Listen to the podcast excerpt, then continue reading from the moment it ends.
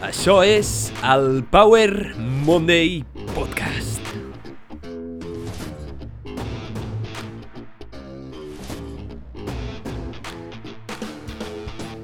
Benvinguts al Power Monday Podcast. Soc en Pau, el teu apassionat de salut, inspiració i ciència, i estic molt agraït de que estiguis escoltant aquest episodi. Avui és més important que mai ser conscient del que menges, perquè sabem que la nostra alimentació és una de les bases de la nostra salut. La nutrició és medicina. Però vivim desinformats, enganyats, culturalment desconnectats dels nostres orígens i les nostres bases biològiques, i això ens fa viure menys i pitjor. Deixem que les grans corporacions ens diguin i decideixin què hauríem de menjar i no escoltem el nostre cos.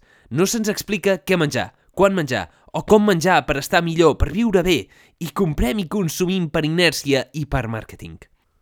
Per això, en aquest episodi et porto 8 principis essencials que no t'han explicat sobre la teva alimentació, principis, claus, secrets, digue'ls-hi com vulguis, conceptes que he anat aprenent al llarg del meu estudi sobre la nutrició i la salut.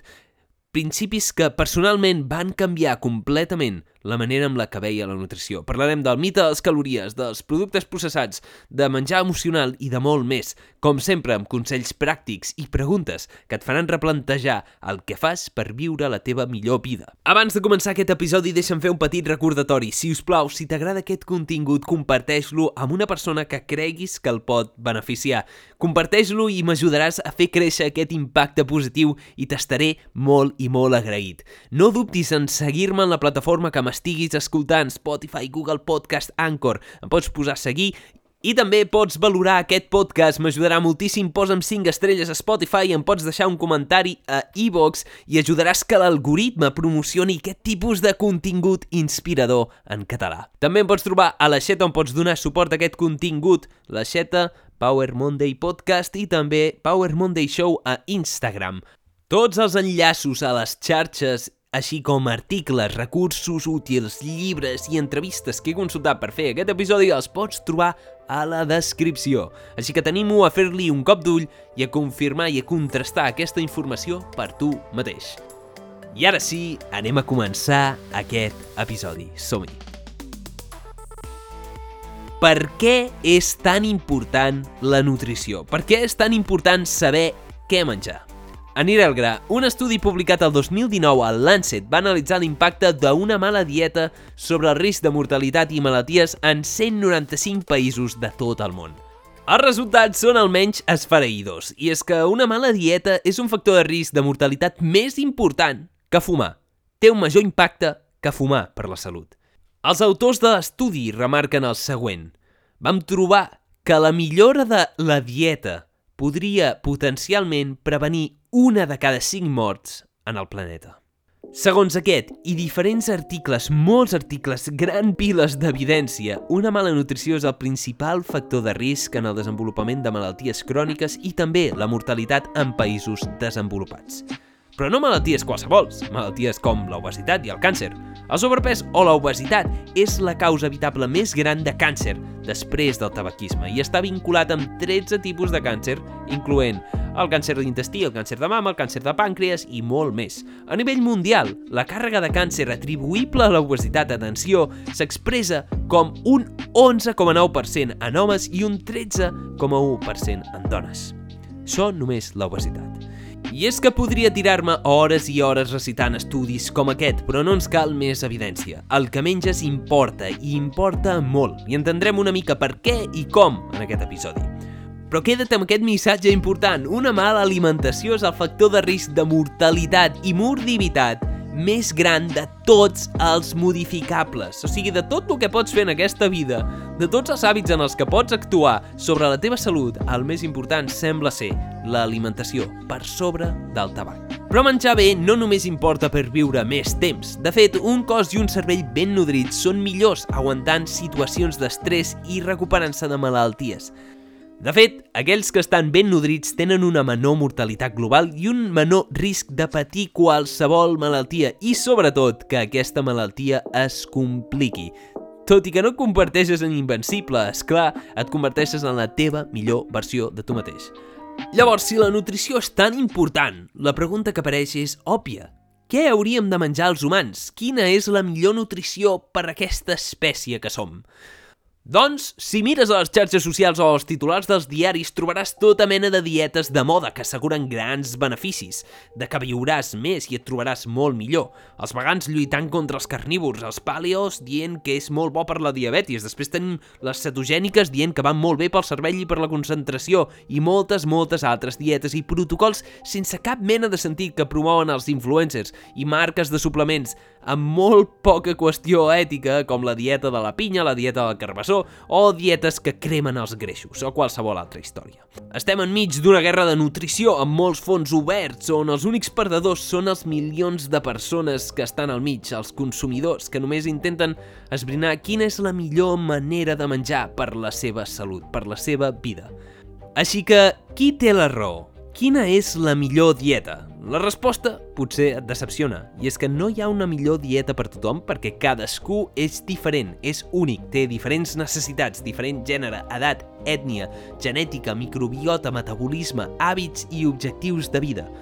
Però si no sabem quina és la millor dieta per tothom, perquè tots som diferents. El que sí que podem fer és mirar on coincideixen totes les dietes que tenen evidència científica, per perquè al final tots som humans, tot i que vivim amb més d'un que no sé si entraria dins d'aquesta categoria. El que podem fer és mirar què tenen en comú totes aquelles dietes que han demostrat evidència per la majoria de la població, en què coincideixen totes aquestes dietes en les poblacions que viuen més, viuen millor i tarden més temps a morir-se, que és el mateix que viure més, però m'agrada m'agrada redundar per donar-li impacte en això. Aquestes dietes o patrons que tenen beneficis per la població són la següent, la mediterrània, la vegana, la vegetariana, la paleo, la dash i la okinawa o la keto potser també, tot i que hi ha molts i molts noms. Però, per més estudis que llegeixo, experts que escolto, entrevistes, llibres, totes les dietes coincideixen en uns principis fonamentals que poden beneficiar a tothom. I és el següent. Totes són dietes basades en plantes i aliments sencer, amb molts aliments frescos i amb pocs productes processats. Totes les dietes o patrons nutricionals que han demostrat que allarguen la vida, et fan viure millor i et protegeixen de la malaltia, coincideixen en aquest fet bàsic. Tenen aliments rics en greixos saludables, baixos en sucres refinats, amb molt color, amb molta varietat, rics en fibra. Són dietes basades en planta i aliment sencer. I és que és lògic que totes aquestes dietes tinguin evidència coincideixen en això, perquè s'acosta molt a la dieta que estem fets per menjar com a espècie. Una dieta basada en plantes i aliment sencer, amb molt baix percentatge de productes animals i sense productes processats o molts pocs productes processats. Així que si un missatge ha de quedar clar abans de que segueixi aquest episodi és aquest. Tingues una nutrició basada en plantes i aliments sencer que s'adapti a tu, a les teves particularitats. Personalitza't aquest concepte bàsic i viuràs més i millor. I quan parlo d'aliment sencer, Parlo de tot allò que s'acosti en el seu format més integral, en el seu format d'origen. Si menges cereals, que siguin integrals. Si menges productes, que s'acostin al màxim en el seu format d'origen. Aquest és el concepte. Nutrició basada en plantes i aliment sencer.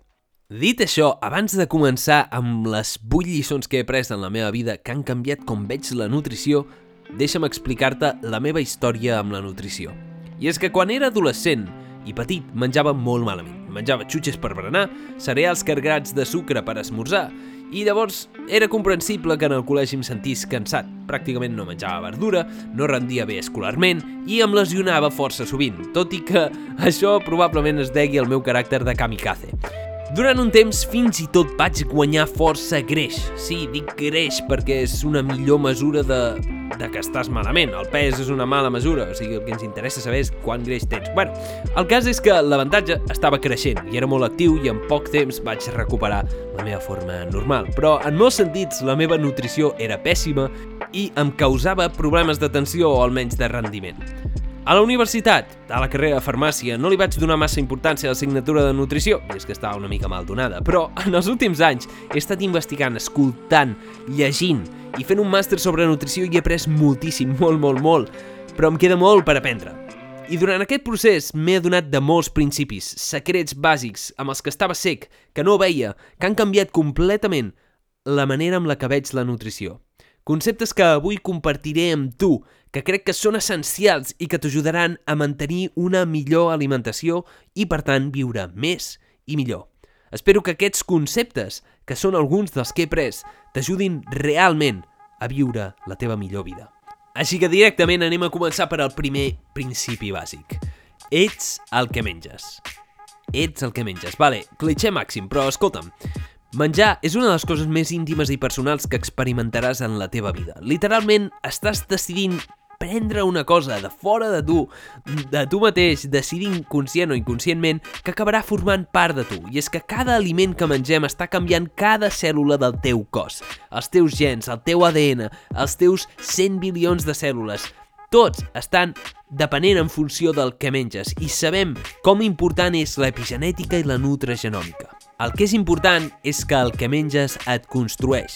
La bona notícia, o potser mala notícia, depèn de com ho miris, és que pots triar del que estàs fet. Pots construir-te dels aliments més nutritius de la història i saludables del món, com el bròquil, o pots fer-ho amb Fruit Loops, Cheetos i Skittles. També ho pots fer amb plàtans, amb fruita, verdura, o ho pots fer amb fosquitos. Això pot ser increïblement empoderador o increïblement espantós, depèn d'on es trobi la teva mentalitat i el teu estil de vida. El menjar no és només menjar, és informació complexa que transmet un missatge en el teu organisme i el construeix. Informació amb la que construiràs el teu cos. I ja saps, si la matèria prima amb la que construeixes un edifici no és bona, no és de qualitat, els resultats seran de mala qualitat, encara que el disseny sigui la hòstia. Així que pensa bé, ets el que menges, el que menges et construeix i és la base de tots els teus mecanismes del teu cos. Per tant, la teva nutrició és la teva vida.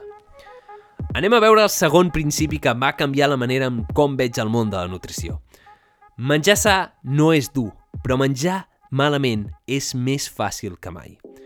Aquest és un tema una mica contracultural i és que tendim a posar menjar en una caixa en particular. Per molta gent, quan parles de nutrició, ho associa directament amb dieta, pes, càstig, vida avorrida... Això és el que pensa la majoria, quan en realitat el menjar és probablement la base de la teva realitat i com et deia, el teu cos es construeix de menjar i de la nutrició. El que fas ho pots fer perquè un dia vas consumir nutrients que van construir el teu cos i el teu cervell. Tot i això, culturalment, s'associa menjar bé amb avorrit, amb càstig i menjar malament, menjar aquelles coses que no són saludables com un premi, com una recompensa, com un plaer que ens pot portar a la felicitat. Però què passa quan mirem les poblacions que mengen malament? Que mengen el que sabem que no és bo per la nostra salut, tot i que estigui deliciós. Veiem com aquestes poblacions tenen un augment de depressió, augment d'ansietat, augment de suïcidi, de trastorns mentals, de malalties cròniques, de càncer, de dolor crònic, inflamació crònica. Això no només afecta els que mengen malament, sinó a tots els que els envolten, aquelles persones que se'ls estimen. Però per l'altra banda, aquells que mengen sa pateixen menys. Tot i això, seguim associant la nutrició saludable amb patiment, amb dolor, però quan mirem les poblacions que mengen sa, no pateixen, més aviat al contrari. La gent que menja bé viu millor, reporta més felicitat, més benestar. No diu que la seva vida sigui avorrida, gaudeixen més de la vida, tenen menys ansietat, menys depressió i menys estrès. Així que, pregunta't, quin és realment el càstig? Quin és realment el càstig per al teu cos i cervell? Menjar malament o menjar bé? Perquè veiem que els que mengen bé viuen millor i es senten millor que els que mengen malament. Però tot i així seguim associant menjar bé amb avorrit i patiment i càstig. A part d'això, menjar malament és molt egoista perquè posem per davant la nostra satisfacció a curt termini i això afecta els que estimes perquè farà que visquis menys i pitjor i farà que els que t'estimen ho pateixin també amb tu. Així que tens la responsabilitat de decidir, no sempre és culpa teva que acabis menjant malament, pot ser que hagis crescut en un mal ambient o que tinguis altres problemes. Però realment aquí el càstig és menjar malament i tenir una bona nutrició és el premi de debò. Hi ha una frase que m'agrada molt que és I love the food that loves me back i és estimo el menjar que m'estima de volta. No et trobes malament després d'un atracón de bròquil, però sí que et trobes malament després d'un atracón de pizza, o de sucre, o de xutxes. Així que pensa realment quin és el càstig aquí, menjar bé o menjar malament. La vida no és avorrida menjant bé. La vida és increïble quan tens una bona nutrició. Després d'això, anem a veure el tercer principi que he après que ha canviat com veig la nutrició. I és el següent. La nutrició és la base de la societat. Totes les tradicions, quasi totes, giren entorn del menjar. La nutrició és altament important com a espècie. El menjar està vinculat centralment a la realitat dels millors moments que has experimentat. Ens uneix, crea un centre social, espiritual... No és només dieta. I és que crea una relació íntima amb el menjar, però també amb les persones amb les que els consumim. I tothom té bons moments vinculats amb el menjar. A part d'això, el menjar crea una identitat al voltant de què consumim. Ens identifiquem com una persona que menja formatge o com una persona que menja bròquil i pot determinar com et sents i què sents. Quan veiem això, podem acabar entenent com podem ser addictes amb el menjar i com la relació amb el menjar és tan important. Això em porta a anar una mica més enllà, i és que la nutrició és la base de la nostra espècie, i la relació que tenim amb el menjar és molt important. Però com es relaciona el menjar amb nosaltres? El gust és un dels principals llenguatges amb els que parla el menjar. És el principal, tot i que n'hi ha d'altres, a la quantitat de nutrients, etc. Quan estàvem evolucionant com a espècie, això feia una funció molt simple, un feedback biològic. Els nostres gustos van evolucionar perquè ens agradessin els aliments que eren més nutritius per nosaltres, de manera que detectem els gustos sovint relacionats amb aliments que ens fan viure més. Els més nutritius ens feien viure més. Normalment, això ho associàvem com a espècie a aliments rics en greixos, sucres i sals, aliments densos en energia i nutrients que allargaven la nostra supervivència. És lògic que per selecció natural es van seleccionar aquells que tenien un gust més desenvolupat perquè eren capaços de trobar la millor font de nutrients. Així, això és el que hem heredat nosaltres, aquest gust. Aquest gust que és bastant rudimentari però que ens ha servit per sobreviure. A part d'això, la nostra espècie vivia com totes les altres en un context d'absència i alta competitivitat, de dificultat d'obtenir nutrients. Per això, quan aconseguíem menjar algun aliment ric, el nostre cervell ens donava una recompensa i ens animava, ens motivava a buscar més aliment, a repetir aquell comportament. I realment no va ser fins l'agricultura que vam poder menjar aquests aliments més sovint i viure millor de manera constant. Així és com va evolucionar la nostra espècie, per milers i centenars de milers d'anys, creant aquesta base biològica innegable que portes dins teu, que controla la teva vida, controla quan tens gana i quan no tens gana i els cicles de recompensa. Però, però, però, avui la realitat és completament diferent que la que vivien els nostres avantpassats en el paleolític. I és que el nostre cos té la capacitat de detectar quins nutrients falten i menjar és realment molt simple i intuitiu. Tot i això, menjar és molt simple, però avui ho hem complicat. I això em porta en el quart punt. La nutrició industrial. Menjar és simple, però ho hem complicat. Des de la revolució industrial produïm aliments a escales increïbles, el qual és brutal, perquè tenim accés fàcil per tothom a menjar i quasi que podem menjar a qualsevol moment del dia i sembla que tots hauríem d'estar més saludables, no? De fet, podem menjar tot el que vulguem. La veritat és que no, i és que el nostre sistema biològic del paleolític no s'adapta a tanta abundància. I l'accés genera problemes. La veritat és que el menjar està canviant, està evolucionant, amb la tecnologia i moltes vegades ataca els nostres mecanismes ancestrals de supervivència, trobant noves combinacions òptimes de sucre, greix i sal per estimular aquest sentit del gust rudimentari i crear conductes addictives que regulen el nostre comportament sense importar gens ni mica la nutrició i la teva salut. Aliments que, si és que es poden dir aliments, especialment dissenyats pel seu gust, sense nutrients, tot i que encara tenim aquesta biologia i funcionament del paleolític, ara tenim màquines i processos que ens permeten generar, aïllar, produir molècules i refinar de manera que podem atacar les bases del nostre cervell.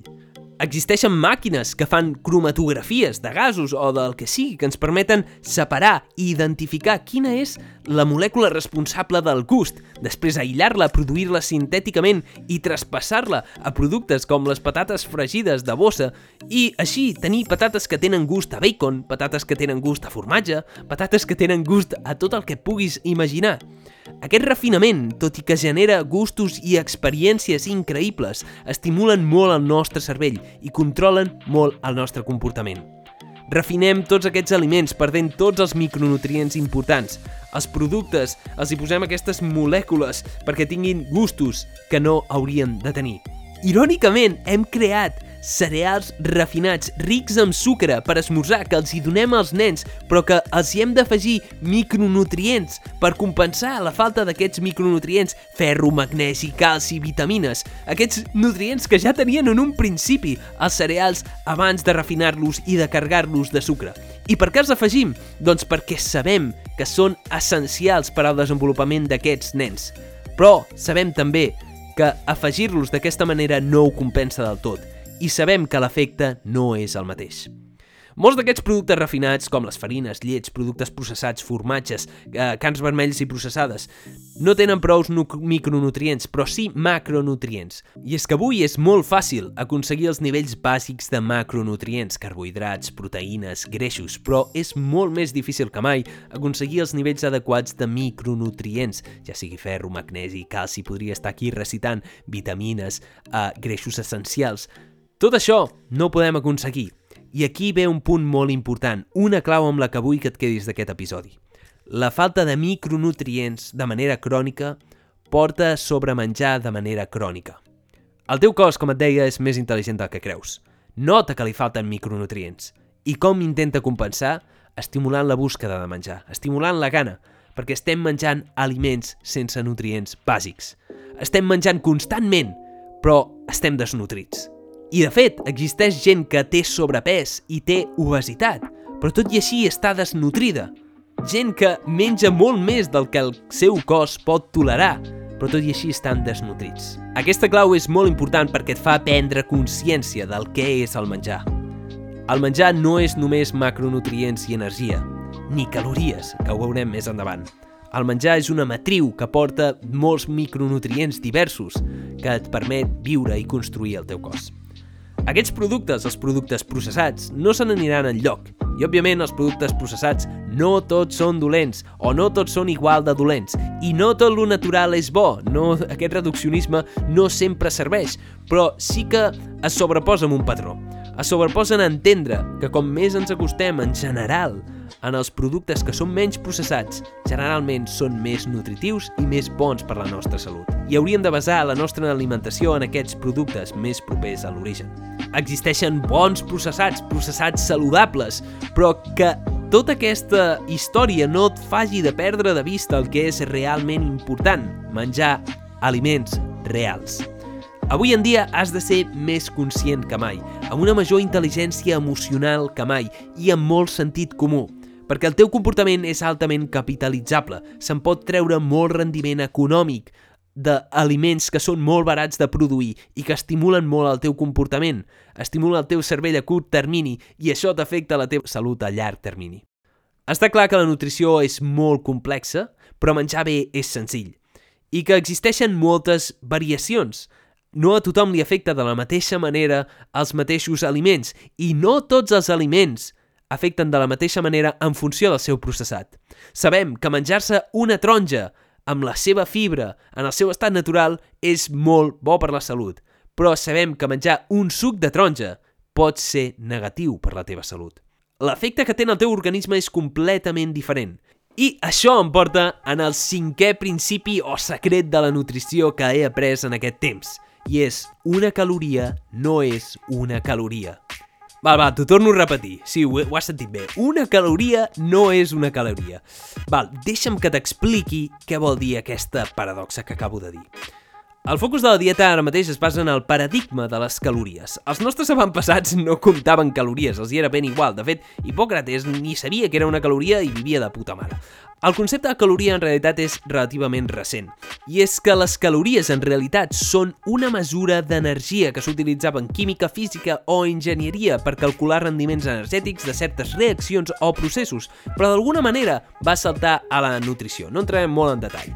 El problema és que això ha construït el concepte de nutrició i la indústria alimentària, i és una arma de doble fil que potser ens ha causat més mal que bé. Ara veiem 100 calories de pa, no veiem una llesca de pa i tot el que involucra. Veiem 100 calories de bròquil i les equiparem amb 100 calories de bistec o de formatge. I sabem que diferents aliments, encara que siguin les mateixes quilocalories, tenen efectes completament diferents en el teu cos. Perquè el nostre cos és molt més complex que això i l'alimentació és molt més complex que aquest reduccionisme de les calories. Si veus la teva nutrició amb quilocalories, estàs destinat al fracàs.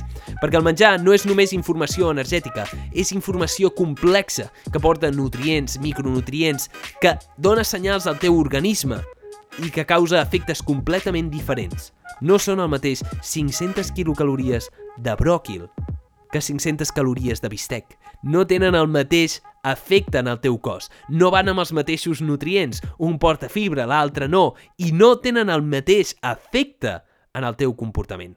Així que, com et deia, les calories són en realitat una mesura d'energia que es van mesurar amb un calorímetre però no són una mesura que sigui constant per al nostre cos, que és una entitat biodinàmica. Posaré un exemple. Jo si mesuro la meva habitació amb un metre, farà la mateixa distància, sigui aquí o a Pequín.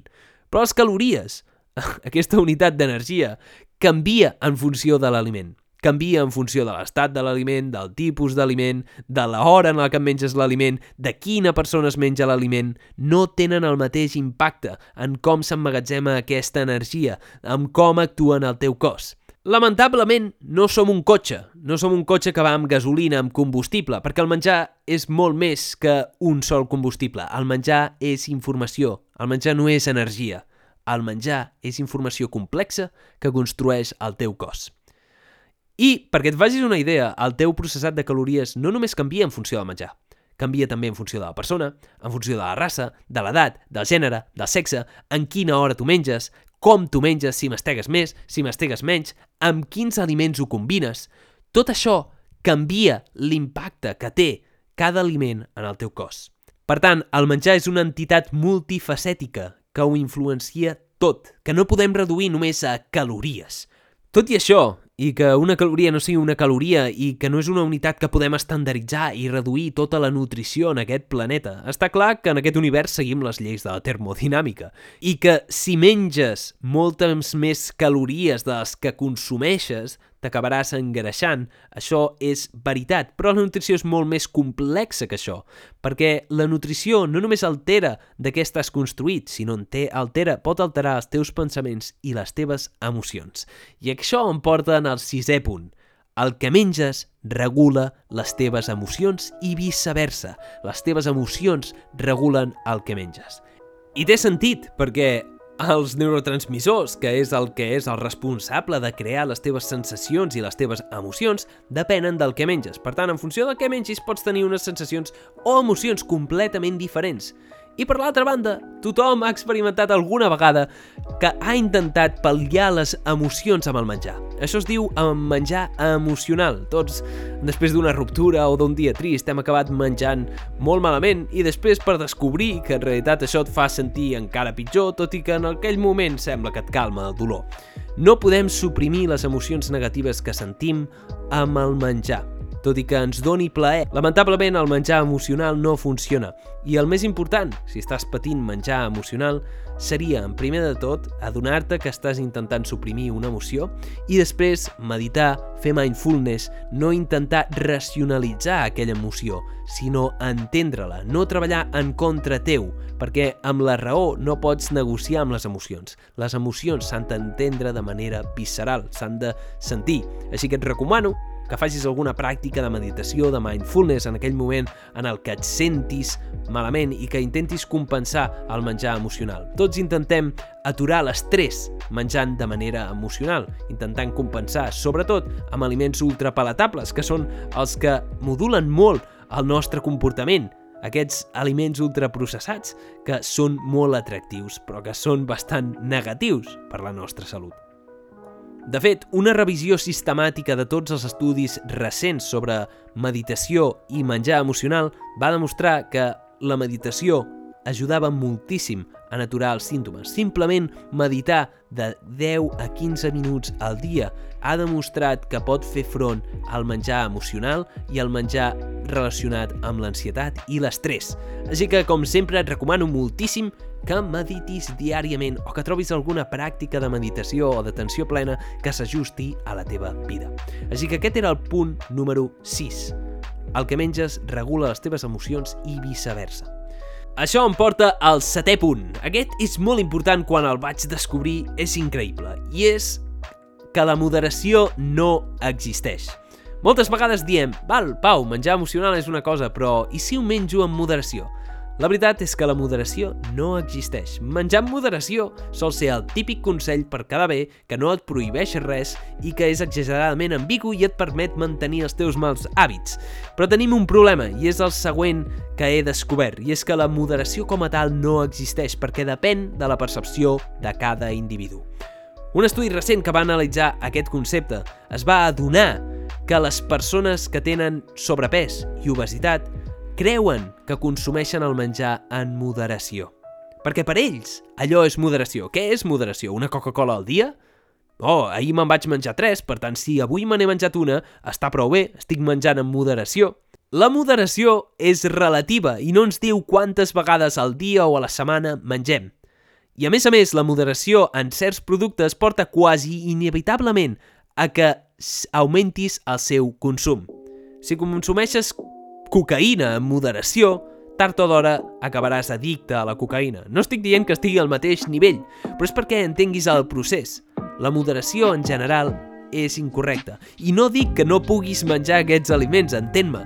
És un procés de mentalitat, de com descrius com consumeixes certs menjars que saps que són negatius per la teva salut. Si sents algú dir això ho pots menjar en moderació, que sàpigues que és un consell equivocat en el millor dels casos i en el pitjor dels casos és un consell francament perillós. Per què? Perquè et permet justificar els teus mals hàbits, seguir amb els teus mals hàbits, mentre en la realitat vas pensant que ja estàs consumint amb moderació. Mentrestant, l'obesitat continua augmentant i ara es considera el problema de salut més greu que s'enfronta al món desenvolupat. Obesitat, sobrepès i totes les malalties relacionades com càncer, diabetis tipus 2, malalties cardiovasculars i hipertensió, totes aquestes i més es relacionen molt amb el consell de en moderació. La moderació és subjectiva. Si escoltes algú dir tot en moderació, d'algú s'ha de viure, no? Sobre menjar o aliments que són insans, aquest consell no li facis cas i sigues conscient de que la moderació pot matar. Jo puc dir, comença a fumar en moderació. Un cigarro al dia no et farà res, un piti al dia no passa res, però sabem que un piti al dia porta a un altre, i després un altre, i després a un altre, i acaba amb el càncer de pulmó. A part d'això, els humans tenim molt mala memòria en recordar què hem menjat i difícilment identifiquem què vam menjar. Per tant, la moderació és relativa per cada individu, és subjectiva, i et vull fer una pregunta.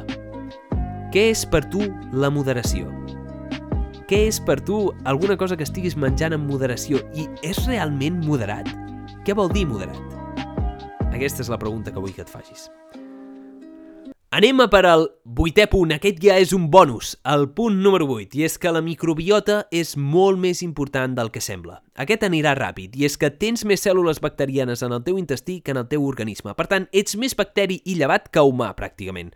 Hem evolucionat simbiòticament amb milers i milers d'espècies en el nostre intestí que ens permeten viure, ens ajuden a digerir, ens ajuden a extreure energia, ens fan viure. I de fet es diu que el teu intestí prim és el segon cervell.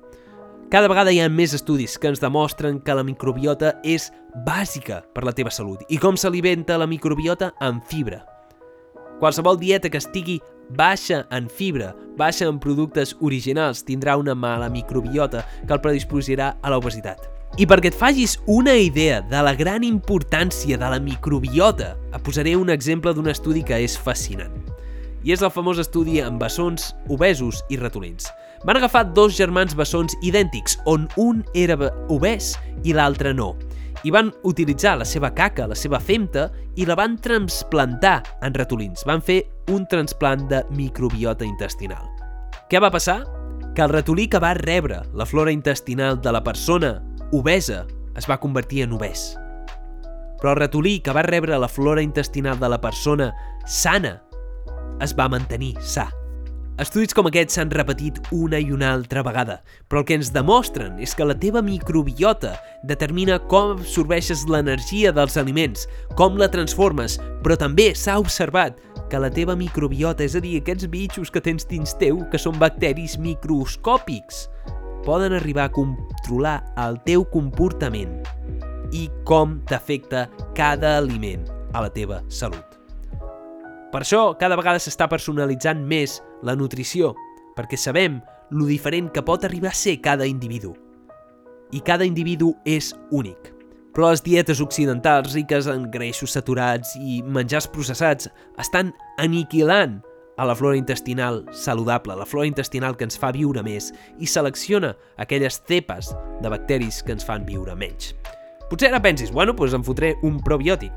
El cas és que els probiòtics funcionen molt bé, però no tan bé quan els combines amb prebiòtics, perquè de res serveix que et prenguis molts probiòtics i que arribin nous bacteris si no els alimentes bé. És com una mascota. Al teu, al teu intestí tens unes petites mascotes que et fan viure més i millor. Els has d'alimentar amb els nutrients que necessiten, que són fibra i altres probiòtics. Així que la microbiota és molt més important del que sembla i d'això parlaré en un altre episodi sencer. Per acabar, deixa'm recordar-te un concepte essencial, un bonus, que probablement és molt més important que molts d'altres. I és que quan menges és tan important com què menges i com menges. I és que moltes vegades sentim a parlar de què menjar. Has de menjar bròquil, has de menjar tofu, has de menjar espàrrecs, has de menjar llenties, has de menjar peix... Però ens estem adonant de que quan menges, és a dir, a quina hora i amb quins formats de temps menges, és tan important o més per la teva salut que què menges.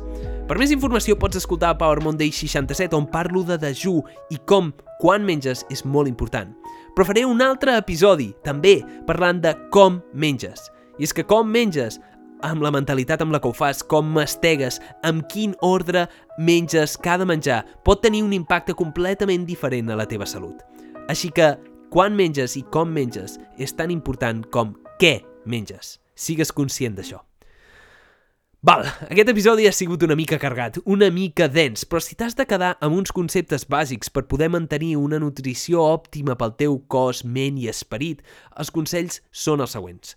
No tot és què menges, perquè quan menges i com menges també és important. Pots escoltar Power Monday Podcast 67. El que menges s'hauria d'aproximar al màxim, el que puguis al màxim, a una nutrició per la qual estem optimitzats com a espècie, que és una dieta basada en plantes i aliment sencer.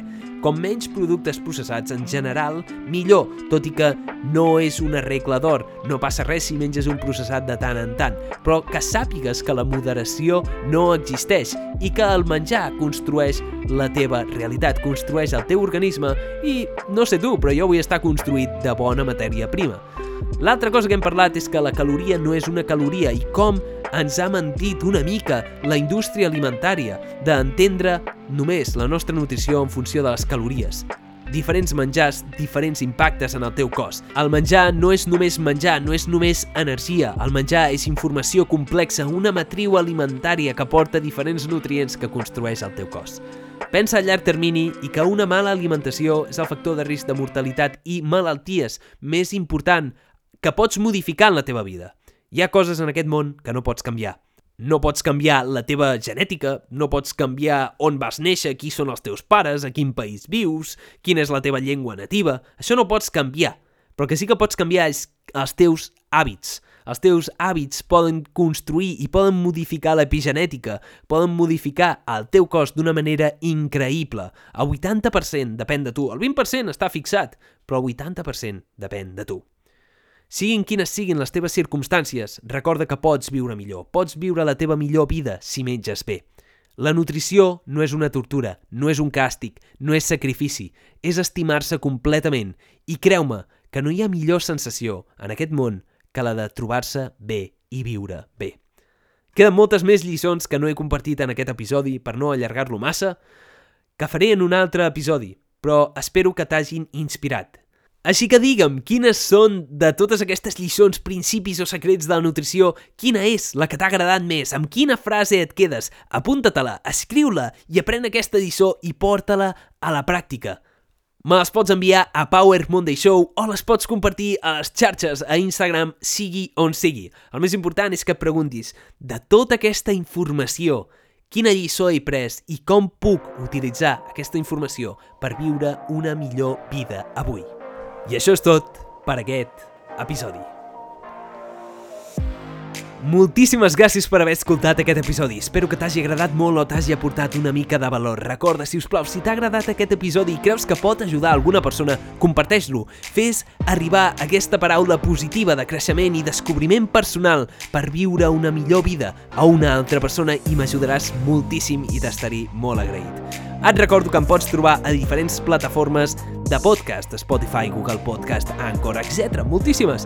Allà em pots posar seguir, em pots deixar una valoració a Spotify i pots compartir aquest episodi. També em pots trobar a la web de micromecenatge La Xeta, on pots donar suport a aquest contingut en català 100% gratuït que intenta ajudar a la gent a viure una millor vida. Em pots trobar també a Power Monday Show, on em pots enviar comentaris i em pots preguntar qualsevol cosa, donar suggerències per nous episodis, nous convidats, i t'ho agrairé moltíssim. Aquest episodi és molt important, és una condensació de totes les lliçons que he anat aprenent a l'hora d'estudiar nutrició, un tema que em fascina i m'interessa moltíssim perquè té el potencial de fer viure la teva millor vida. Si hi ha un missatge amb el que pots quedar d'aquest episodi és segueix una dieta basada en plantes i aliments sencers que es personalitzi el teu estil de vida i viuràs una millor vida. Per acabar aquest episodi, si ningú t'ho ha dit encara, recorda que ets estimat, ets suficient, ets increïble, ets únic, irrepetible i ara és un bon moment per prendre acció i fer d'aquest moment un moment millor. Moltíssimes gràcies per haver escoltat aquest episodi. Et desitjo una setmana èpica, increïble, plena de creixement personal i una bona nutrició. I com sempre, sempre, sempre, ens veurem en el pròxim episodi. Me'n vaig a menjar una mica de bròquil, que estarà de puta mare. Uh, let's go.